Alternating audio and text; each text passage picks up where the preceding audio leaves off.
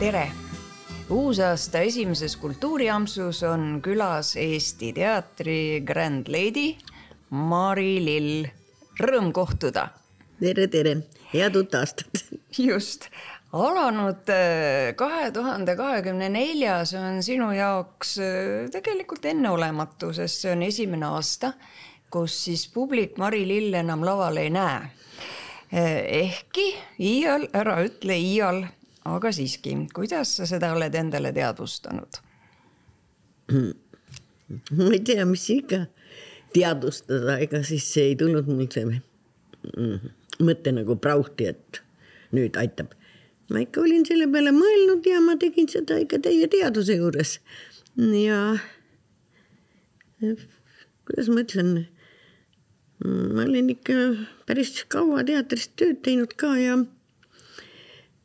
noh, mu soov nagu ei oleks olnud või ei oleks Draamateatrist elada ees välja minna. ma tahtsin natuke, no natuke veel ringi vaadata ja, ja lastelastega tegeleda ja lihtsalt olla no eelmisel aastal täitus sul üks selline ilus ümmargune number viiskümmend viis aastat rambivalgust. ja no ühesõnaga, mis tundega sa vaatad siis tagasi sellele viiekümne viiele teatriaastale ja sul üldiselt näitlejana õnnelik saatus olnud? jah, see on sul küll õigus, et on õnnelik olnud. aga ma isegi ei teadnud, et viiskümmend viis aastat mul oli eh, kevadel eh, klassi kokkutulek ja selle nii-öelda kutse oli seitsekümmend aastat esimesse klassi minekust, vot see oli küll, mis mul, no kuidas ma ütlen, kas ma aru sain, et, et kuule, sa oled ikka päris vana inimene. aga seda teatri ma viiskümmend viis, ma ei olnud äh, nagu äh, endale kuskile äh,. noh, ma ei teadnud täpselt seda, aga õnnelik ma ütlen küll selles mõttes, et äh, et kui ma läksin teatrisse, siis või tähendab, lõpetasin teatrikooli, siis ma sain väga palju heades lavastustes, väga tugevates klassikalistes näitemängudes heade lavastajatega. noh, kuidas ma ütlen, rollist rolli ja no nii ma arvasingi, et, et noh, et nii peabki olema, see oli kuidagi loomulik, ma ei võtnud seda, no kuidas ma ütlen. no ma ei olnud nagu ennast, noh, uhke või ennast täis, see oli nagu töö, üks lõppes, teine algas, kuidagi kõik see oli minu jaoks väga loomulik. aga ju mina olin see näitleja tüüp, kes kes nagu alguses saab palju tööd ja, ja, ja on ju teine tüüp ka, kes alguses nagu tasapisi läheb ja siis järsku palju nii-öelda küpsemas eas äh, nagu ennast avab. no ma ei tea, kas see kõik sõltub sinust endast või on siin kõike palju muud ka. aga siis äh, läksid teise ilma lavastajad, kellega ma tööd tegin. no väga tähtis on see, et sul on enda äh, enda lavastaja, ma ei mõtle, et ta see enda isiklik lavastaja, aga kes sinust hoolib või kes tahab sinuga tööd teha. ja, ja siis enam mul ei nagu no aga see lihtsalt on nii, teater on niisugune, nagu kõik on muutumises, nii on ka teater muutumises. aga noh, siis, siis.... kes need sinu lavastajad olid, nii-öelda sinu lavastajad? no kindlasti eh, Voldemar Panso eh,, Mikk Iver eh,, Shapiro. no võimsad nimed. ja noh, eks kui sa oled noor ja siis arvad ju ka, et, et sa ise oled kõik selle teinud ja rolli ja kõik, et noh. aga tegelikult see ikka, ikka oleneb väga palju lavastajast, kuidas, kuidas lavastaja sind suunab. ja.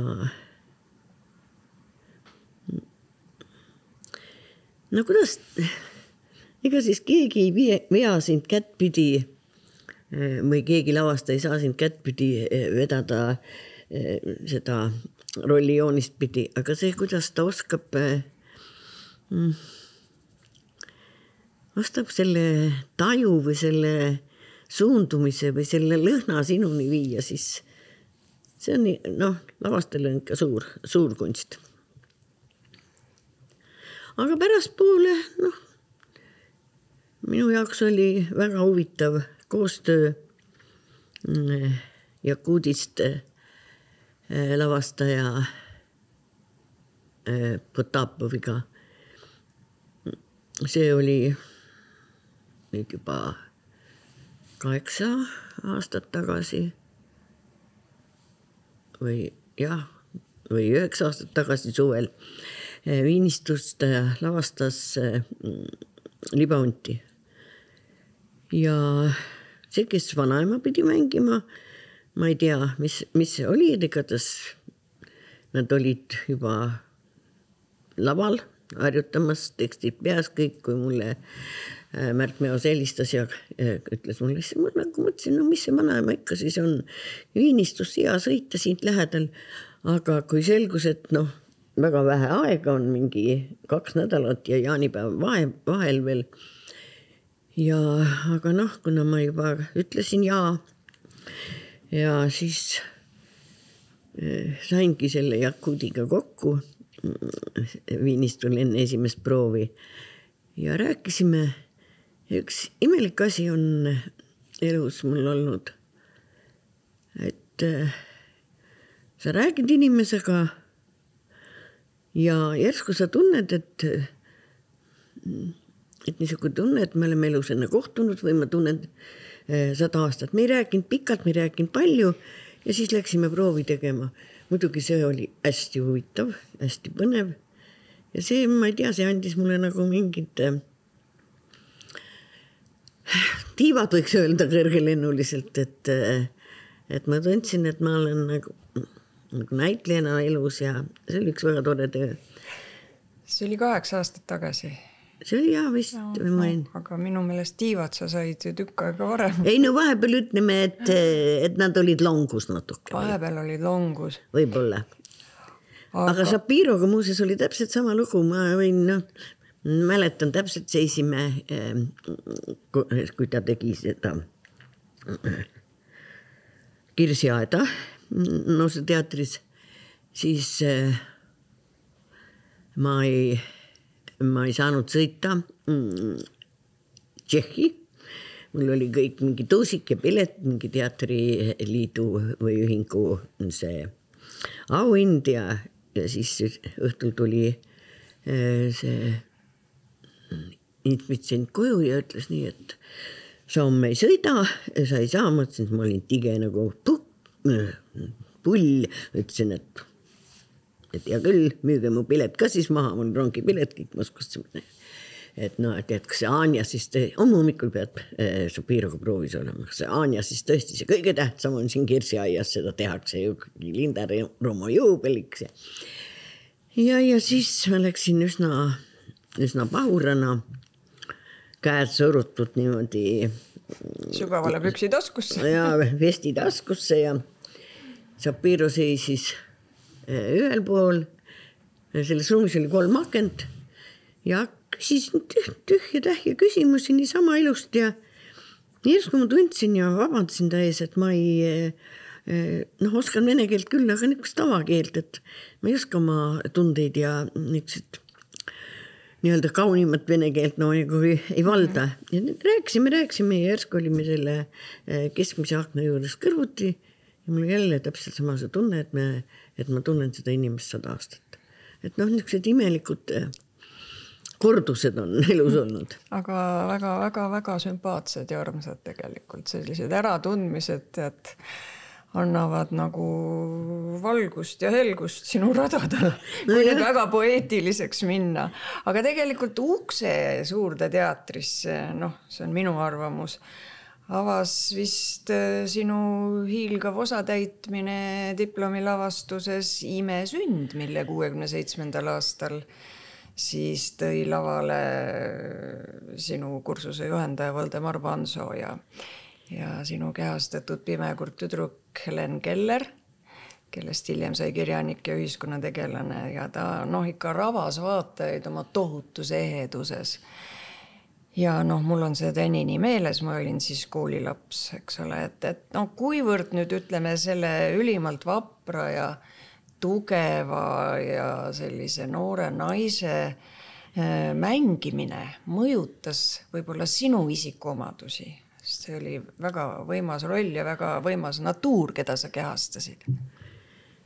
vaata, ma, see oli muidugi, kuidas ma ütlen,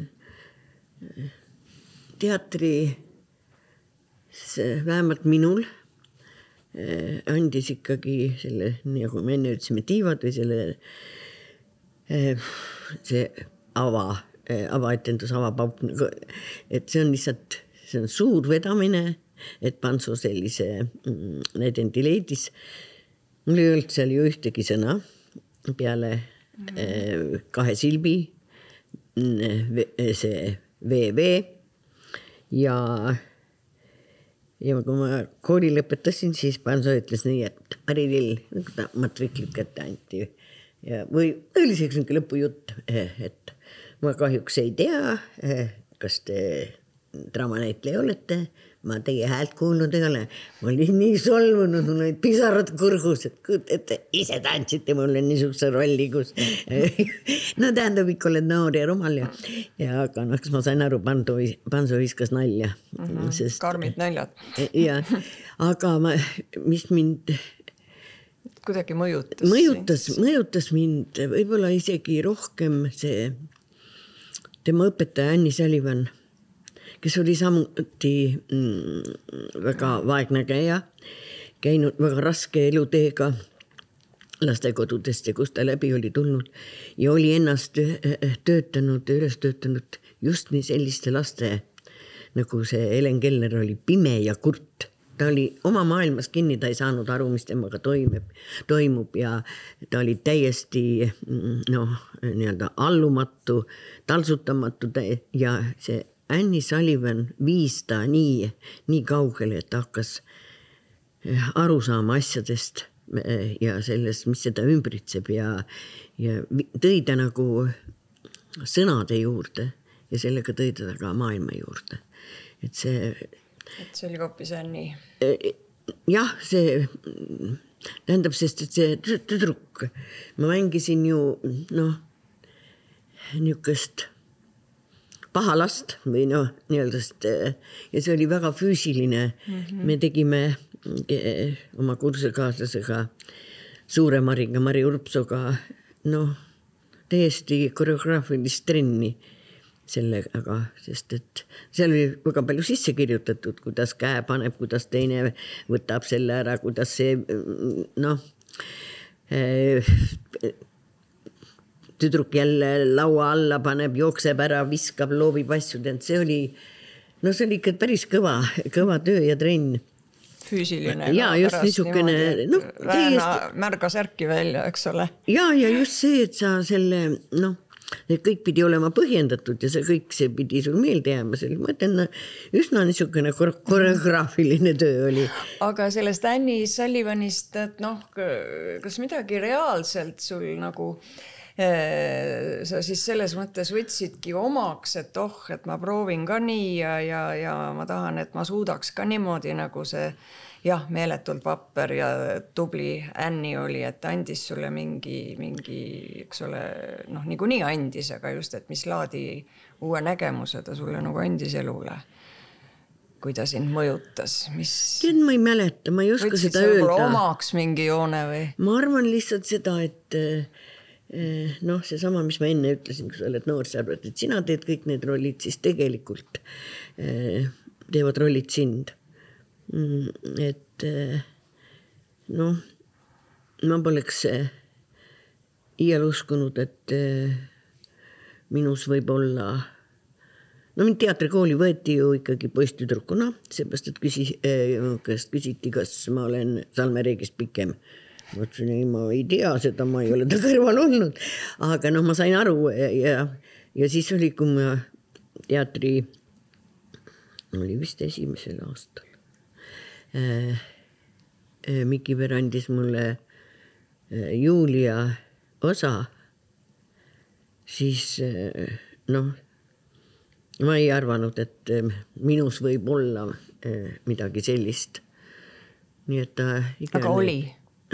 Rollid ikka avavad sind endale ja, ja arendavad sind ja, ka inimesena ja igatemoodi nagu Helen Kellerit nii mäletan ma ka suurepäraselt Juliat.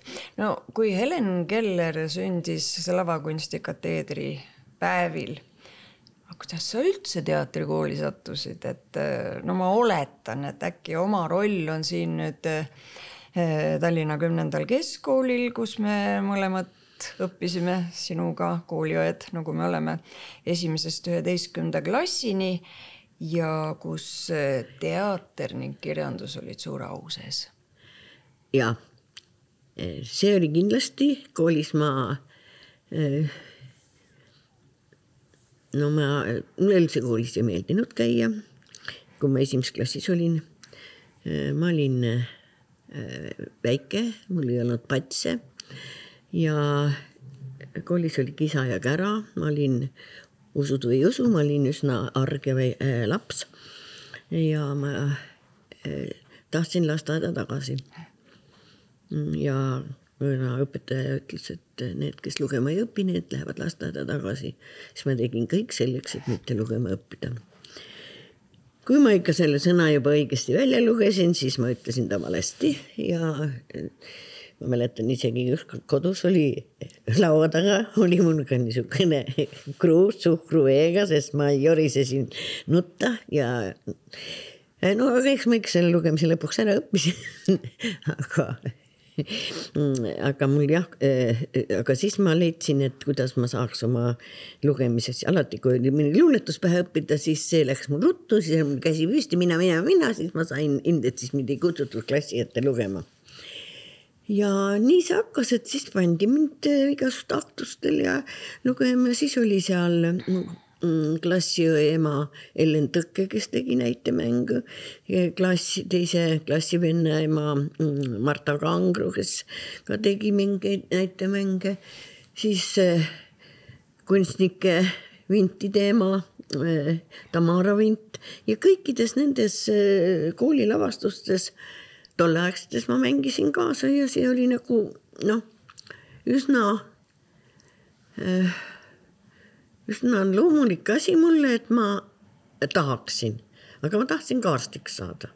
aga kuna mu füüsikaõpetaja, kui sa mäletad, õpetaja Andersoni.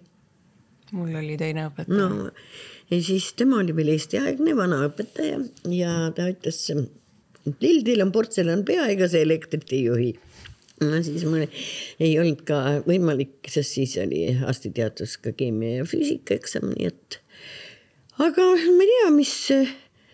ja tegelikult, kes oli see, kes ütles mulle, et lõpuõhtul, et mine ikka eh, proovima teatrikooli, see oli Dagmar Normet. sinu klassivenna ema.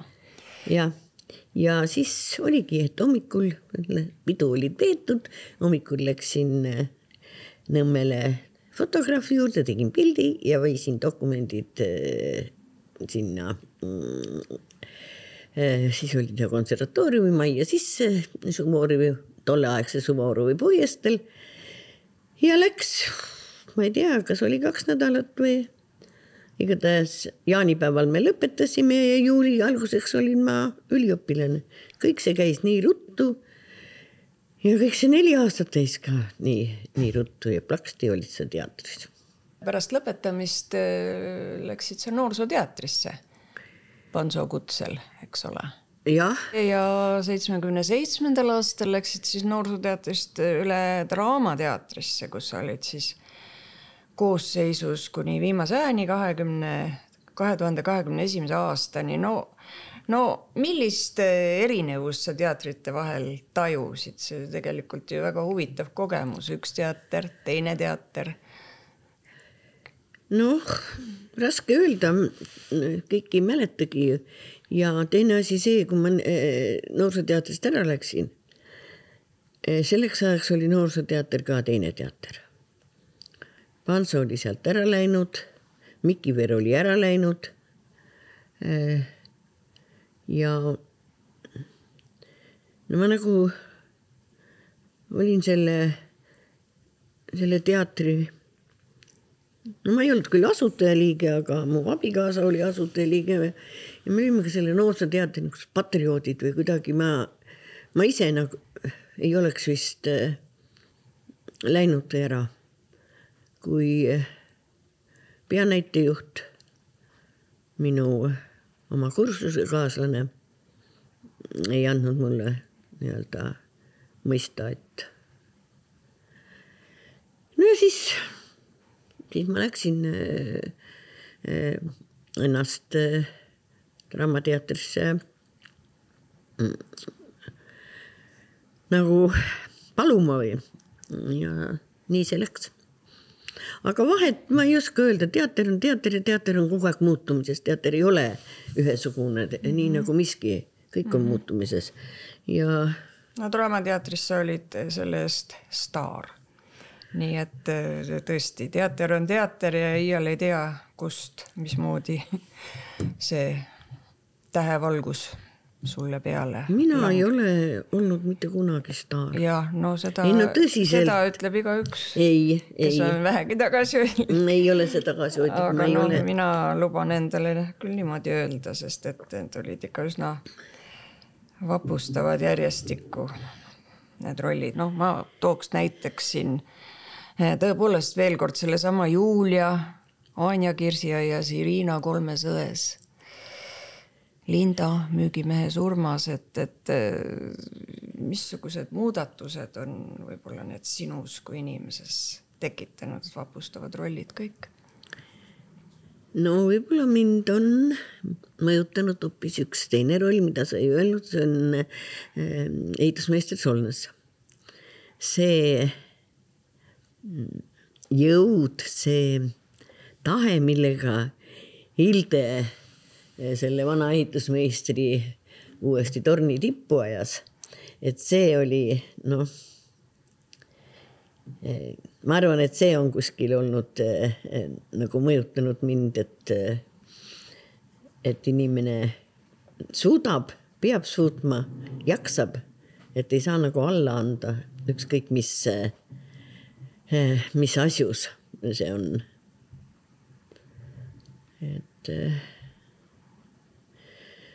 no ma arvan, et mu seda rollidest ma ei oska seda kõike nii öelda, aga ma arvan, et, et mind on ikka mõjutanud äh, lapsepõlv, sport, ma käisin ujumas ja see kindlasti mul ei oleks niisugust tahtejõudu, kui ma ei oleks äh, trenni, trennis käinud ja leian üldse, et kõik lapsed peaksid ükskõik midagi eh, kooli kõrvalt tegema. Eh, sellepärast, et koolis nagu praegu meie ajal, no võib-olla et oli ka koolikiusamist, aga mm, aga noh, niisugust suurejoonelist või suurt koolikiusamist mina ei mäleta ja ei tea.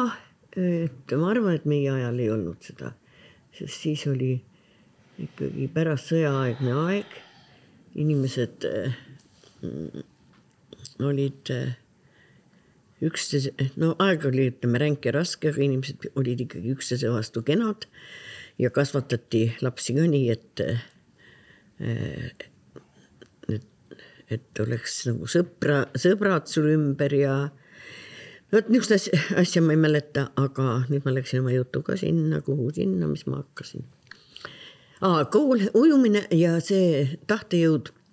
et eh, ma kindlasti ei oleks see inimene, eh, kes, kes ma, kui ma ei oleks trennis käinud, aa ja et lapsed käiksid ja teeksid, sest koolis ei pruugi sul hästi minna noh, kas eriti praegu, kus on see koolikiusamine ja sa jääd kuidagi üksikuks, aga sa leiad ala, kus, kus on palju väiksem, võib-olla ainult kümme inimest, olgu see või tikkimisring või olgu see mingi kunstiring või mingi sport.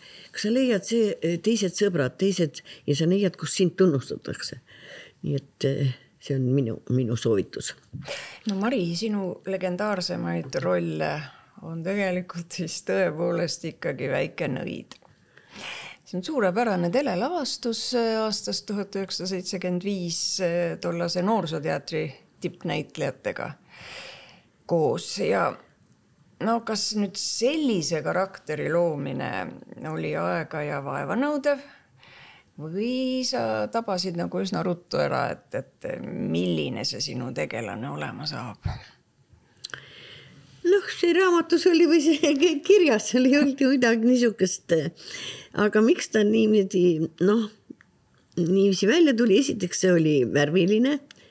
ma ei tea, kas enne oli neid värvilisi, võib-olla, et oli, aga ta oli värviline Eesti telelavastus ja temas oli see äh, hästi uudne, mm, kuidas seda nimeks, operaatori töö, see oli üks masin, mul on isegi nimi meeles, RIR, millega tehti need lendamised. ja trikke oli kõik kohad täis. ja siis äh, no ja kõik need vanad näitlejad, kes seal mängisid ja noh. klassika, tõeline klassika. jah, ja noh, ta on ju üsna, üsnagi lihtne lugu, aga üks selle päris armas, armas lugu mm. -hmm. tunti ära kõik tänaval ja. ja seda ikka ja see teeb ikka tuju heaks, kui seda juhtub jälle nägema, aga hoopis teise kandi pealt, et äh, kui nüüd tänasel päeval natuke ringi vaadata, siis tundub, et kõik väikesed ja suured nõiad on äh, muinasjuttudest igapäevaellu üle kolinud, et igasuguseid ennustajaid ja ravitsejaid on meie hulgas üha rohkem, et kuidas sina sellesse suhtud? skeptiliselt mm.. ma no kui need hakkasid, need horoskoobid eh, ajalehes sabas, siis ma ikka vahest heitsin pilgu peale. aga no ei ole päris seda usku. aga noh, kes usub, siis olgu õnnelik. ei no kui usub, siis on, nagu ütles Tammsaare. kui usud, siis on. siis on. siis on no sa oled oma annet saanud realiseerida ka mängufilmides ja siis äh, tänaseks on sul ette näidata üle tosina filmirolli. ja neist siis vanaema osatäitmine Kratis äh, pälvis, eks ole, Eesti Filmi ja Teleauhindade galal parima naisnäitlejat preemia ja siis äh, Kaljo Kiisk oli siis üks neid, oli vist üks esimesi režissööre. ma arvan jah. kes ja. sind siis filmi seisukohast märkas ja, ja filmi surmahinda küsisurnutelt kutsus. aasta oli seitsekümmend seitse. no mida sa mäletad sellest võtteperioodist ja, ja kuidas sa seal end tundsid? ma mäletan seda, et äh, me filmisime kuskil Koplis, vana puutrepp ja külm vesi. ma treppi pesin ja vahest Maria Klenskajat selle põrandalapiga udisin. aga filmi, noh, vot seda tehti ikka mitu korda, nii et ma pidin seda. kahjuks mitu korda tegema mitu korda tegema jah. ja see on mul nagu kõige rohkem meeles sellest noh, et kuidagi noh, löömine on üldse üks niisugune asi, aga kui sa pead veel oma kaasnäitlejat märja jubeda musta lapiga lööma, see oli niisugune küllaltki ebameeldiv. seal midagi mängida ei andnud, et. ei no see oli nii, käsk oli käsk mm.. aga siis, mis oli selle pead, selle mehe, mis selle nimi oli, ma filmis ei mäleta ta nime. see võte, see oli nagu vanglas, ma läksin juurde, see oli, filmiti. kas seal tennisehallis hoopis oli üles ehitatud. ja ma ei tea, ma ei mäleta sellest niisugust no, midagi ei..., midagi erilist, ma mäletan ainult, et, et film tekitas niisuguse natuke teise, teise kohanemise ma sain aru, et, et filmis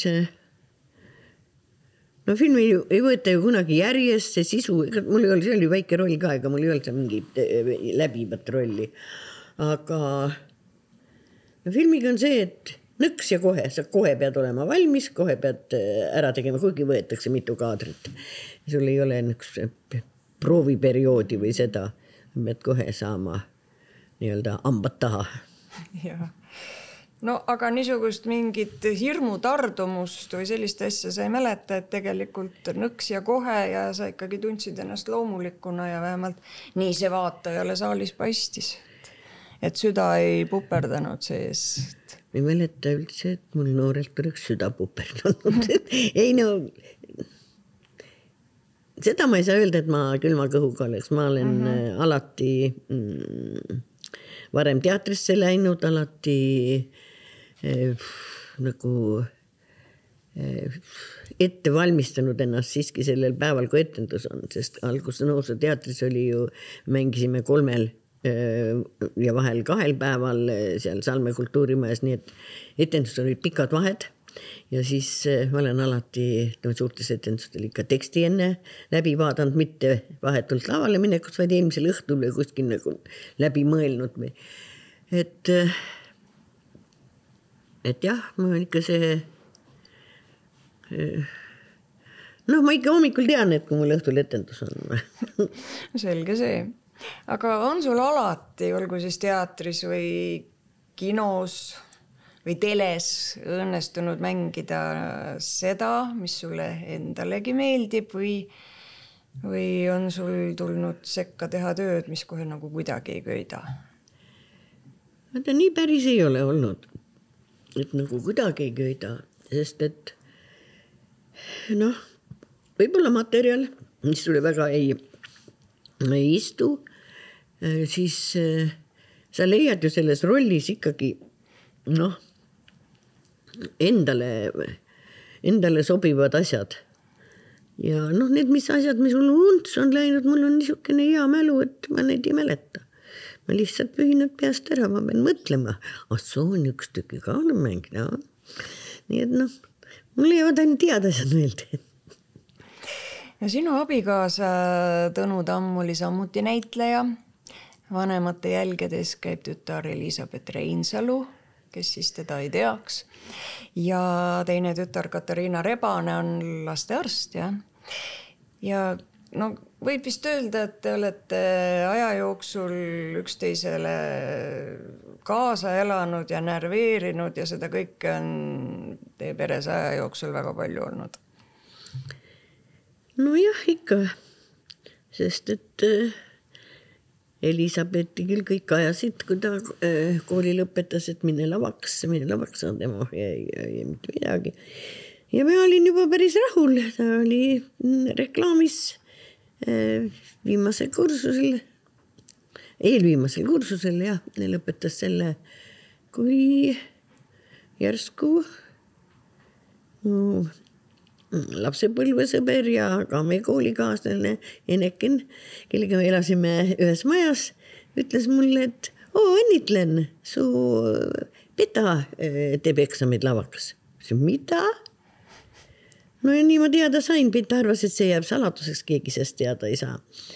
no ja kui ta lõpuks sisse sai, siis ma küll, no ma tõesti sõitsin, sõitsin autoga sinna Toompeale ja kiriku ette parkisin auto ja tõesti, mu pea kukkus rooli peale ja nutsin ja naersin korraga, sest teada, et see elukutse ei ole kerge, no niisugune on ju, noh, elukutse kerge on, aga kuna sa ise teed, oled selle sees, siis. aga noh, nii on läinud ja, ja ma arvan, et ta ikka tegi õigesti. ja mulle tundub, et tal on päris hästi läinud sa oled Elizabethiga koos mänginud krimisarjas Ohtlik lend ja kui kerge või raske on laval koos oma lapsega mängida? vot see oli nii ammu ja see oli, ei olnud raske. aga mis, mis oli alguses raske, alguses oli väga raske eh, oma last laval vaadata. see oli. ja huvitav, miks? ma ei tea, ma nii närveerisin tabamata ime. kui ta mängis, siis oli saali keskel oli see eh, mänguplats ja ma ist-, me istusime niimoodi, et eh, põlved ulatusid mul vastu seda diivanit, kus eh, Elizabeth alustas oma mängu. ja, ja ma ei näinud, see oli nende diplomietendus ma ei näinud, mul silmad olid nagu veekalkvel või ma ei tea, mis, ma ei näinud mitte kedagi muud, ma ei kuulnud mitte midagi muud kui ainult, ainult teda. ja siis noh, jube väga-väga raske on. et aga noh, see läheb üle. samamoodi oli siis, kui ta oli balletikoolis ja selles Pähklipurejas Iirt tantsis, kolmas Iirt vasak, Iir vasakul no vaatasin seda. Ja siis otsisin ja ei leidnud, see oli ka täpselt samasugune tunne, aga no nüüd on, nüüd on juba see ammu möödas, see kolmas hiir. Mm. no samuti oled sa ju oma abikaasa Tõnu Tammega koos mänginud ja siin on üks tore seik Noorsooteatri aegadest, sa pidid väidetavalt äh, Tõnut isegi seljas kandma, mille peale Panso olevat öelnud, et Mari Lill on Noorsooteatri kandev jõud. kuidas ma... sellega oli ja mis ega, oli? ega see ei olnud ainuke kord. see oli tuli, äh, selle Iko Marani tuline jäätist, kus äh, Tõnu oli mänguelevant ja mina olin siis poisikene. siis me kuskile jooksime ja kuskil meil oli vaja minna ja siis ma võtsin selle Tõnu ja see oli ju väga niisugune suur kostüüm poroloonist, aga noh, Tõnu ise seal sees oli kerge ja ega poroloon ka ei ole raske. aga esimene seljas kandmine oli mm, selles Korki põhjas diplomilavastuses, kus Peeter Jakobi, kelle äh, äh, pikad jalad peaaegu maha ulatasid, oli mul seljas ja järgmine oli Ulsak, kui Panso kevades eh, uisutamisstseenis. Ulsak ronis tuletõrje või selle redeli peale, jalas ja tuli mulle õlgadele nii et jah, ma olen. väga tugev naine. no ja, ma olen sporti teinud ja muidugi tugev. aga kas sa siis, mul nagu ei tule praegu ette, kas sa poisikesi mängisid ikka üksjagu? natuke niimoodi Salme Reegi moodi selles mõttes või noh, moodi ei saa öelda, aga Salme Reek lihtsalt oli ka üks selline poiste ja, ei, ma, osatäitja. no see Tulini jäätis oli, siis oli see Kevade Lesta, siis oli ega palju mänginud, kas oli veel üks ähm,, ma pealkirja ei mäleta. Äh,. kaks poissi, üks vene tükk, kaks poissi olid äh, külas ja siis sinna tulid äh, suvitajad. Ja siis ma ei mäleta, Mikk-Jüri lavastas seda, Mandri ja tu, äh, Anne Tuuling mängisid neid mm, suvitajaid ja mingi roll siis seal olin ka üsna, üsna tatine poiss Tõnuga kahekesi. no Panso olla olnud väga kuri, kui ta äh, ei kuulnud seal äh, proovi ajal saali viimasesse ritta, mis laval räägitakse, midagi sellist on mul meeles küll, noh, kes ei oleks kuri. ja kas sul ilmselt nagu teistelgi korralikel näitlejatel oled sinagi keeletundlik inimene, me oleme sel teemal sinuga vestelnud, sind kohutavalt häirib kui väljendatakse end lohakalt, rõhutatakse liitsõna, vale sõna poolt, tehakse kirjavigu. ja noh, ma ei tea, kas sulle tundub ka, et elame ajas, ajal, kus sihuke korrektne eesti keel ei ole nagu väga au sees? no siin on praegu kaks asja, ma tahan ühe asja veel öelda, et see jääks, kõik kartsid ja kõik räägivad, kuidas nad seda Pansot kartsid. no minu meelest oli Panso oli mm, ja see oli austus, see ei olnud niisugune, ega mina ka, ma ka tean, kuidas siis oli niisugune, istusime kõik seal reas Toompeal, lühikese seelik oli, siis oli ju vaevalt, ega siis käpad olid põlvede peal, läheks ainult, et Pantso käis edasi-tagasi. ta oli niisugune koolipapa, ta mängis koolipapa, tal oli ja kuidas, ai, nüüd nad värisevad ja siis et ta ei võtaks mind, et ta ei võtaks mind. samas, kuidas Panso läks äh, siinsamas Nõmme rongi peale, mina elasin äh, Hiiul, tema elas Kivimäel. siis, kui ta astus läbi vagunite niimoodi. no ta oli artist, ta oli, Oli, jah. täiesti artist ja no mingi kuri, muidugi ta võis vihastada ja kõik, aga no nii, et oleks oma õpilaste peale kuri, see on, no see ei ole õige jutt, see on see on hirm võis olla sellepärast, et, et eh, tulla ebakindlusest. ebakindlusest me olime lollid võrreldes eh, haritud eh, Pantsoga, kes sai eestiaegse hariduse, mis, mis siis gümnaasiumiharidus oli. mitmed keeled, Moskvas eh, paljude kuulsuste ja korüfeedega ta kokku puutus. Me olime need, kes, kes kust tulnud, keskkooli eh, lõpetanud lapsed. nii et ma ei usu, et Pansul mingi kurjust oli.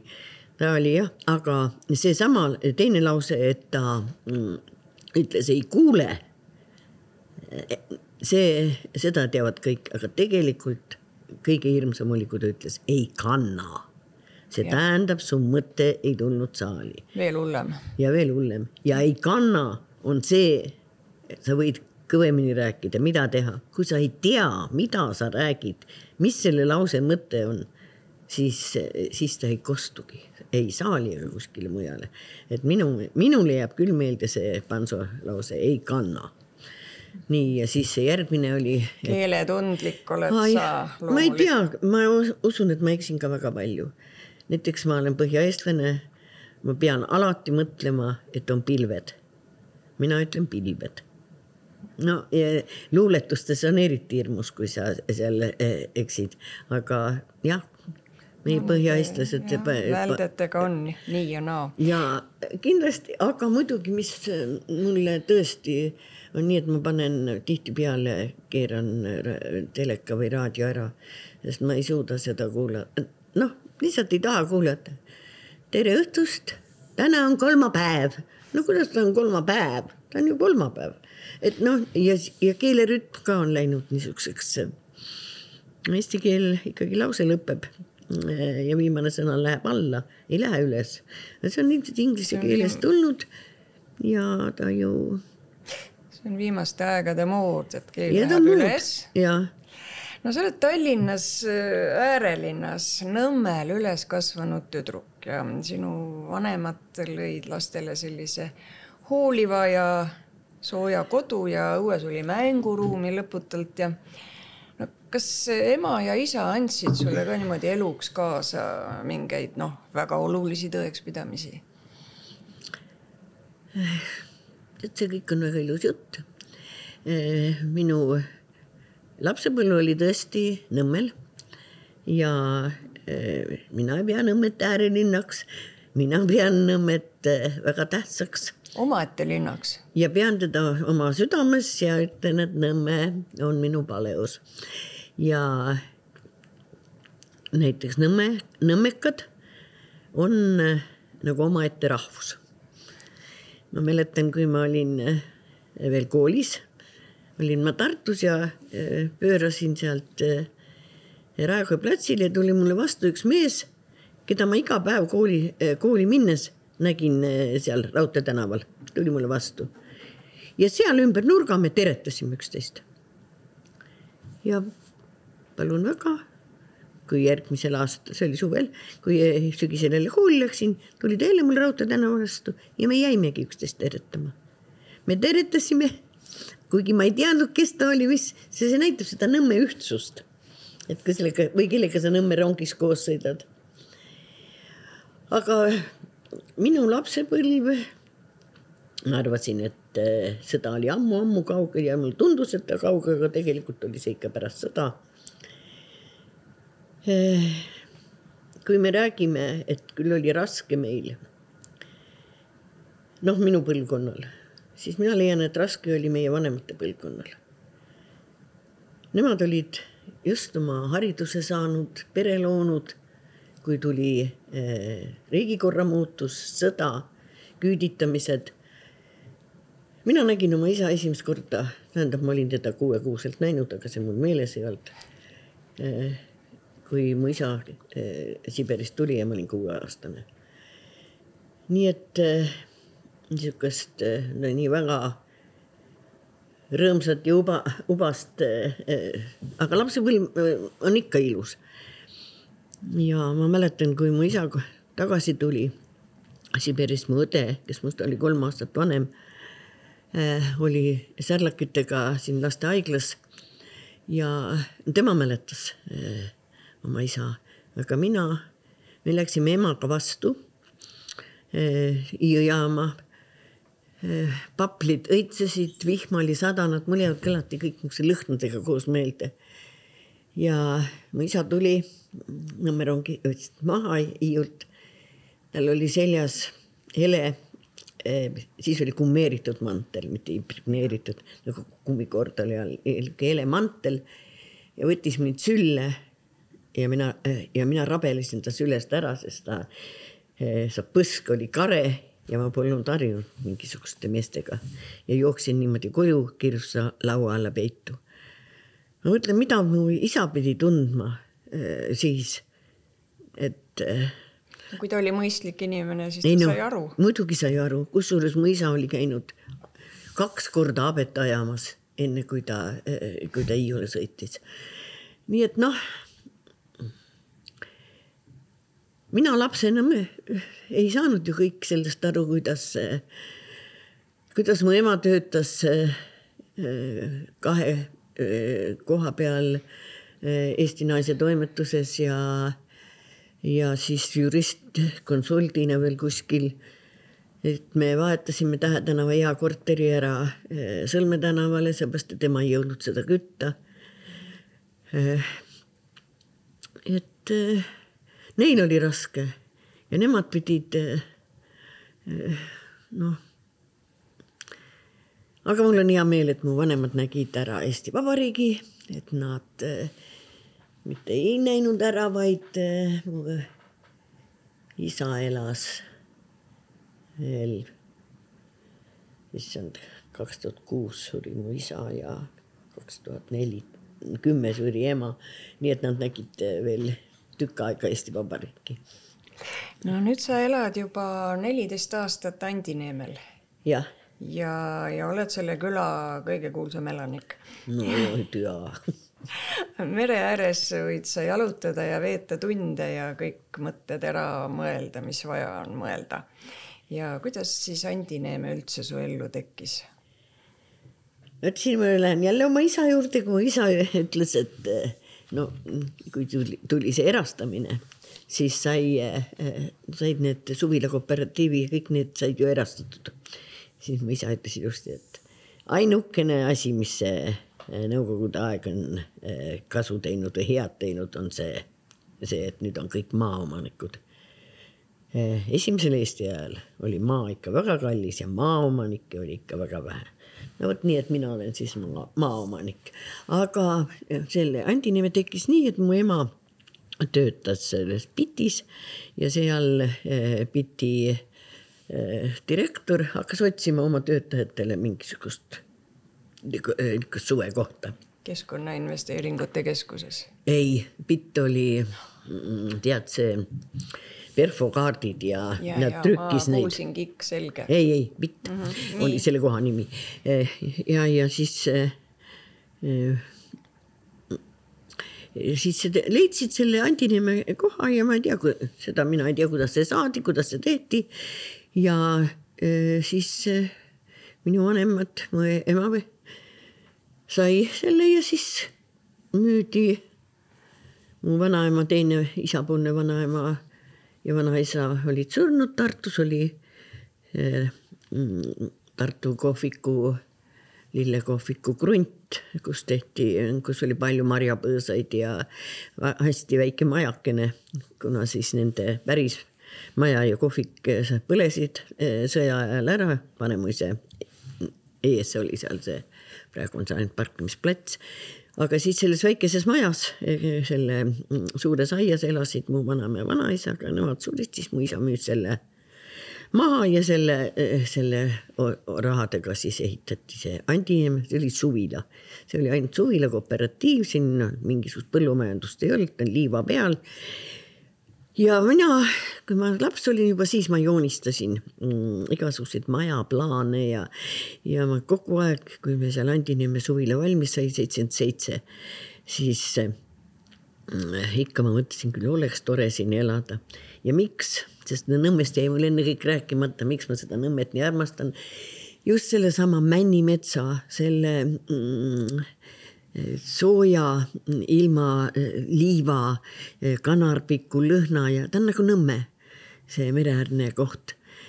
ja siis mul oli kangesti, et kuidas, kui ma vanaks saan ja pensionile lähen, küll oleks tore seal elada. no ja siis ma lihtsalt, Väimes ka mind aitas natuke selle, selle plaani elluviimisel. hakkasime siis Äh, tema hakkas arvutis joonistama, missugust, noh, krunt on väike ja maja oli ka väike, nüüd see maja on natuke suurem ja ta on sellepärast suurem, ta on kahekordne, pisike majakene ja, ja siis äh, saigi niimoodi valmis. ja nüüd sa elad seal nagu väike armas nõid. no väike vana nõid ma äh, ütleks armas nõid. nii, aga mm, mis toimetused sul seal Andineemel on, kood küpsetad, toimetad aias? ei ko-, ei kooma, ma ei oskagi kududa, ma olen küll proovinud, aga ei ole hästi õnnestunud. ei ole niisugune käsitöö inimene kahjuks. aga mm, no küpsetan ikka ja, aga aias on nii, et seal mul niisugust mingisugust muud ei ole kui kasti, noh paar kasti, kus on äh, tilli ja salatit natuke niisugused, sest see on liivamaa, seal ei kasva midagi. no lilli on meil, roose, mille eest Tõnu kangesti hoolitses.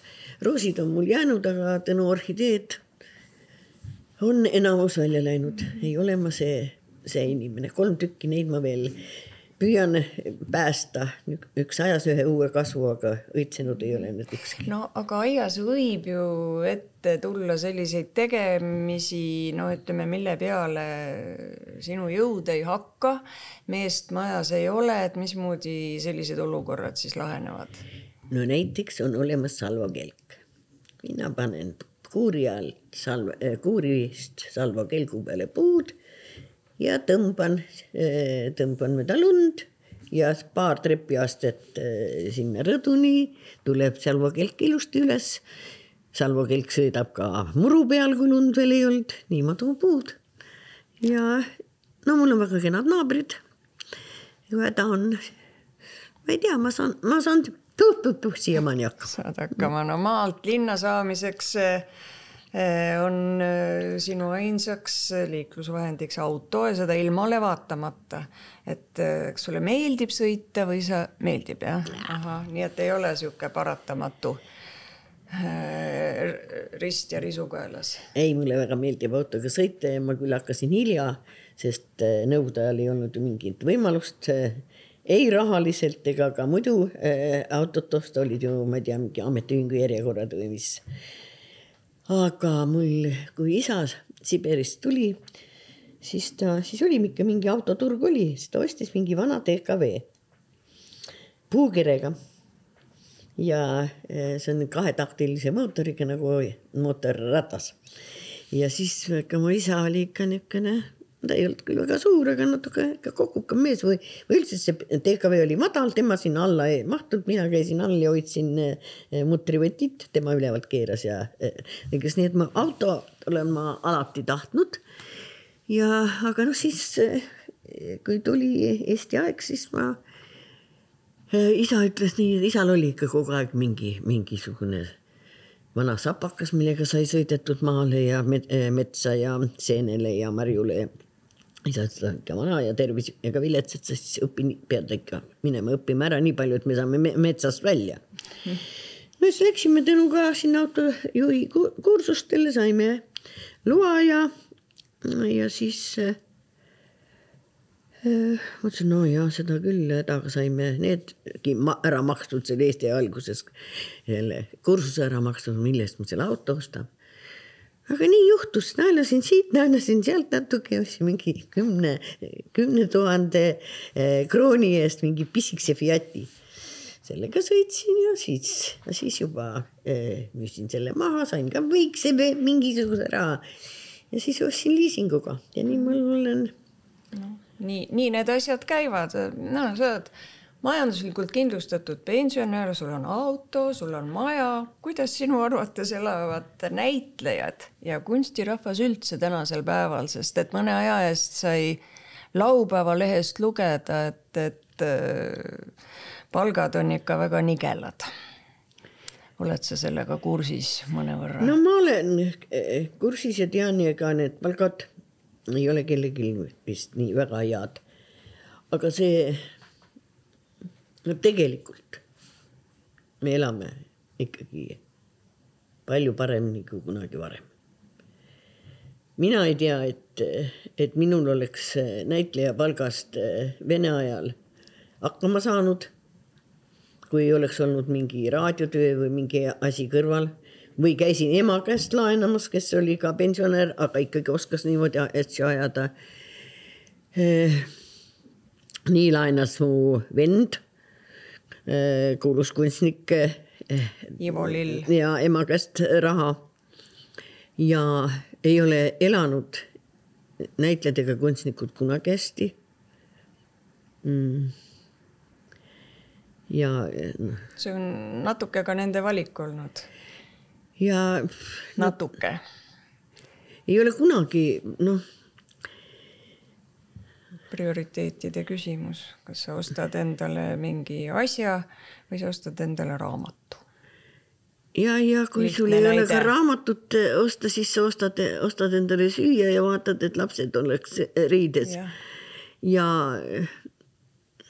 ja siis, eh, kui sa ise tööd teed ja ja kui sa ise enam haridust ei jõua endale saada, kui lapsed saavad hariduse, eh, siis eh, lapsed hakkavad teenima ja elavad ikkagi eh, paremini. muidugi praegu, ja kus see praegu kerge on? Euroopas on sõda. ja me võime ju ainult õnnelikud olla, et, et meil ei ole sest mina, mina küll ei uskunud, et, et minu eluajal tuleb sõda nii lähedale, kuigi kogu aeg on ju sõda olnud yeah.. Jugoslaavia oli, see oli ka ju ikkagi mitte väga kaugel. aga kuidagi siis nagu tundus see, tundus see kaugemal, vot siis oli see kõik see Eesti Vabariigi algus ja kõik siis kõik tegelesid nagu rohkem omaga ja iseendaga ja oma, olime niisuguses eufoorias. Aga noh, kõik see Afganistan ja sõda on ju terve elu olnud. aga praegu on ta lihtsalt nii, nii lähedal ja meie oleme nii-öelda ka siin piiririik. nii et see teeb muidugi inimesed ärevaks, see on selge. aga natukene lõbusama poole pealt, sa oled ilmselt neid inimesi kes oskavad leida killukese nalja praktiliselt igast olukorrast, et noh, mis, mis nipiga sina seda niimoodi suudad ja kas seda saab treenida ka? ei, ma ei oska öelda. no eks nali, see on juba tulnud ilmselt kodust ja lapsepõlvest kaasa, sest et noh igast halvast asjast saab tegelikult äh, üle naljaga. ja ma mäletan väga, kui ma millegi, ma ei mäleta enam, mille pärast ma olin õnnetu. aga midagi ma siin pillisin, nutsin seal oma ema, ema äh, süles. no ma ikka suur, ma olin suur inimene. noh, mingisuguse, ma ei tea, viltu läinud ma ei tea, kas keegi ütles halvasti või armastus äh, läks untsu või midagi, no igatahes ma olin aastuses ja mu ema ütles mulle väga ilusti, et tähtis ei ole see, mis sinuga juhtub, tähtis on see, kuidas sa sellesse suhtud. ja vot sealt see, kuidas sa suhtud, see, see aitabki sul üle olla mingisugustest asjadest kui sul ei lähe, ütleme vahest tööl hästi või niisugused noh, elus on igasuguseid takistusi ja eh, asju, sa leiad ikka niisuguse noh, kuidas hakkama saada, see noh, esiteks, kui sa oled virisev, vinguv või halvas tujus, sa esiteks rikud iseennast ja ega sa teistele ka meeldiv kaaslane ei ole. no just. Kui sa otsustasid, et sa enam teatris ei mängi, siis millist laadi ime peaks sündima, et sa näiteks meelt muudaksid? ei tea, no ei tea, ei oska öelda kunagi see kulunud lause, et ära ütle iial, iial äh,. võib, no peab olema hästi hea tükk äh,. ei oska öelda, ei oska öelda, kui noh, kui juhtub, siis, siis juhtub. Kõik on võim-. jah, ega ma siis noh, kui meeldib, siis ma küll ei ütle, noh. ma lood-, loodan, et jaksu on